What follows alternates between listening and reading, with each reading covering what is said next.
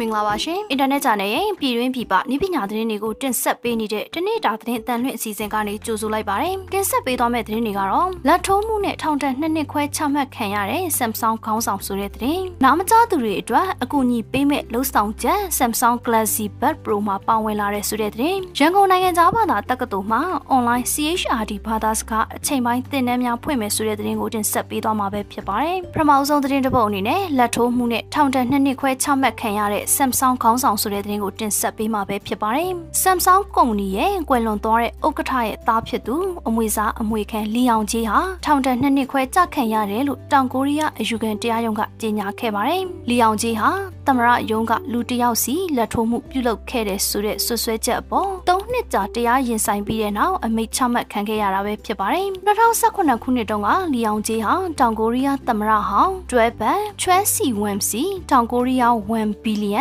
30 29.6ဘီလီယံပေးဖို့ကန့်လန့်ခဲ့ပါတယ်။ Samsung CNT နဲ့ China Industry ကြောင့်ပေါင်းစပ်မှုကိုကူညီဖို့လက်ထိုးခဲ့ပါတယ်။အဲဒီကုမ္ပဏီနှစ်ခုပေါင်းစပ်မှုကြောင့်လီအောင်ကြီးဟာဖခင်အရိုက်အရာကိုစက်ခံပြီးတော့အဖိုးတီထောင်ခဲ့တဲ့ Samsung Electronic ထိန်းချုပ်လာနိုင်ပါမယ်။ထောင်တွင်းကြစဉ်အတွင်းကုမ္ပဏီပေါင်းစပ်မှုလုပ်ငန်းစဉ်ကတစ်နှစ်လောက်ကြာမြင့်ပြီးတောင်ကိုရီးယားအမြင့်ဆုံးတရားရုံးမှာလည်းတရားပြန်လည်ရင်ဆိုင်ရနိုင်ပါတယ်။ Samsung ဥက္ကဋ္ဌဟောင်းကလည်း2020အောက်တိုဘာလမှာကွယ်လွန်သွားပြီးတော့ထိတ်တန်းရာထူးလစ်လက်နေသလိုဒေါ်လာ21ဘီလီယံအမွေစက်ခံမဲ့သူကိုလည်းရှာဖွေရပါမယ်။လီအောင်ကြီးထောင်ထဲရောက်သွားတာကြောင့် Samsung စွမ်းဆောင်ရည်အပေါ်ရိုက်ခတ်မှုလည်းရှိလာနိုင်ပါတယ်။ဆက်လက်ပြီးနားမကြားသူတွေအတွက်အကူအညီပေးမဲ့လှုပ်ဆောင်ချက် Samsung Galaxy Buds Pro မှာပါဝင်လာတဲ့ဆိုတဲ့သတင်းကိုတင်ဆက်ပေးမှာပဲဖြစ်ပါတယ်။ Samsung ဟာ Galaxy S21 Series ဖုန်းနဲ့အတူ Galaxy Buds Pro ကျိုးမဲ့နှစ်ချက်ကိုလည်းမိတ်ဆက်ခဲ့ပါတယ်။အခုဆိုရင် Samsung ဟာနားမကြားသူတွေအတွက်အကြားအာရုံမြင့်တင်ပေးမဲ့လှုပ်ဆောင်ချက်ကို Galaxy Buds Pro အတွက်ဖြန့်လိုက်ပါတယ်။ဒါအပြင် Galaxy Buds Pro နှစ်ချက်အတွက်ဘယ်နဲ့ညာ earbud အတန်ကိုချိန်ညှိတာနဲ့ Bixby အမိတ်ပေးခိုင်းစေထားကိုလည်းအဆင့်မြင့်တင်လိုက်ပါတယ်။အခု update ကတော့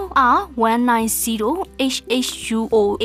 UA1 ဆိုတာဖြစ်ပြီးတော့2.2 MB အရွယ်ရှိပါတယ်။နောက်ဆုံးသတင်းတစ်ပုဒ်အနေနဲ့ရန်ကုန်နိုင်ငံသားဘာသာတက္ကသိုလ်မှာ online CHRD ဘာသာစကားအချိန်ပိုင်းသင်တန်းများဖွင့်မယ်ဆိုတဲ့သတင်းကိုတင်ဆက်ပေးမှာပဲဖြစ်ပါတယ်။ရန်ကုန်နိုင်ငံသားဘာသာတက္ကသိုလ်လူစွမ်းအားရင်းမြစ်ဗဟိုဌာနမှာ CHRD ဘာသာစကားအချိန်ပိုင်းသင်တန်းတွေကို online ကနေတဆင့် February လလဆန်းပိုင်းမှာဖွင့်လှစ်သွားမယ်လို့သိရပါတယ်။တရုတ်၊အင်္ဂလိပ်၊ပြင်သစ်၊ဂျာမန်၊အီတာလျန်၊ဂျပန်၊ကိုရီးယား၊ရုရှား၊စပိန်နဲ့ထိုင်းဘာသာစကားတွေအပြင်နိုင်ငံခြားသားတွေအတွက်မြန်မာဘာသာစကားသင်တန်းတွေကိုဖွင့်လှစ်သင်ကြားပေးသွားမှာပဲဖြစ်ပါတယ်။စပိန်နဲ့အီတာလျန်ဘာသာစကားသင်တန်းတွေကိုနိုင်ငံခြားသားဆရာများမှသင်ကြားပေးမှာဖြစ်တယ်လို့သိရပါတယ်။သင်တန်းတွေကို YUFL, eCampus နဲ့ Microsoft Video Conferencing Platform တို့ကိုအသုံးပြုသင်ကြားပို့ချပေးသွားမှာဖြစ်ပြီးတော့တပတ်လျင်အနည်းဆုံး10နာရီကိုယ်တိုင်လေ့လာသင်ယူရမှာပဲဖြစ်ပါတယ်။သင်တန်းကိုတက္ကသိုလ်ဝင်တဲ့အောင်မြင်ပြီးသူတွေနဲ့အခြေခံပညာအထက်တန်းအဆင့်ပြီးမြောက်သူတွေတက်ရောက်နိုင်ပြီးတော့သင်တန်းကာလအနေနဲ့3လကြာမြင့်မှာဖြစ်ပါတယ်။သင်တန်းပြီးမြောက်သူတွေအနေနဲ့အဆင့်6ဆင့်အထိတက်ရောက်သင်ယူရမှာဖြစ်ပြီးတော့သင်တန်းကာလ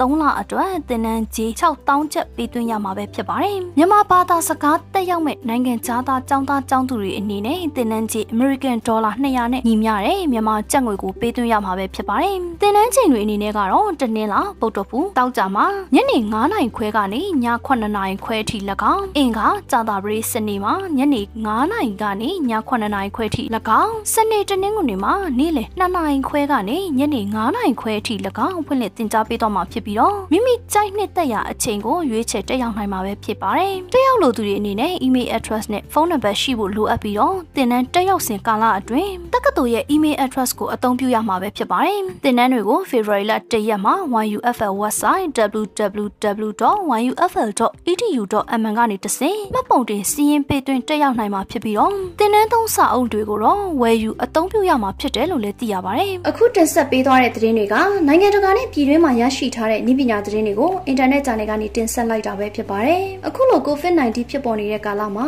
ပြည်သက်တွေအနေနဲ့လည်းကျန်းမာရေးနဲ့အာကစားဝန်ကြီးဌာနရဲ့လမ်းညွှန်မှုတွေနဲ့အညီလိုက်နာဆောင်ရွက်ခါနေထိုင်သွားလာဖို့တိုက်တွန်းလိုက်ပါတယ်။ကျွန်မကတော့ဝေမြင့်မှုပါ။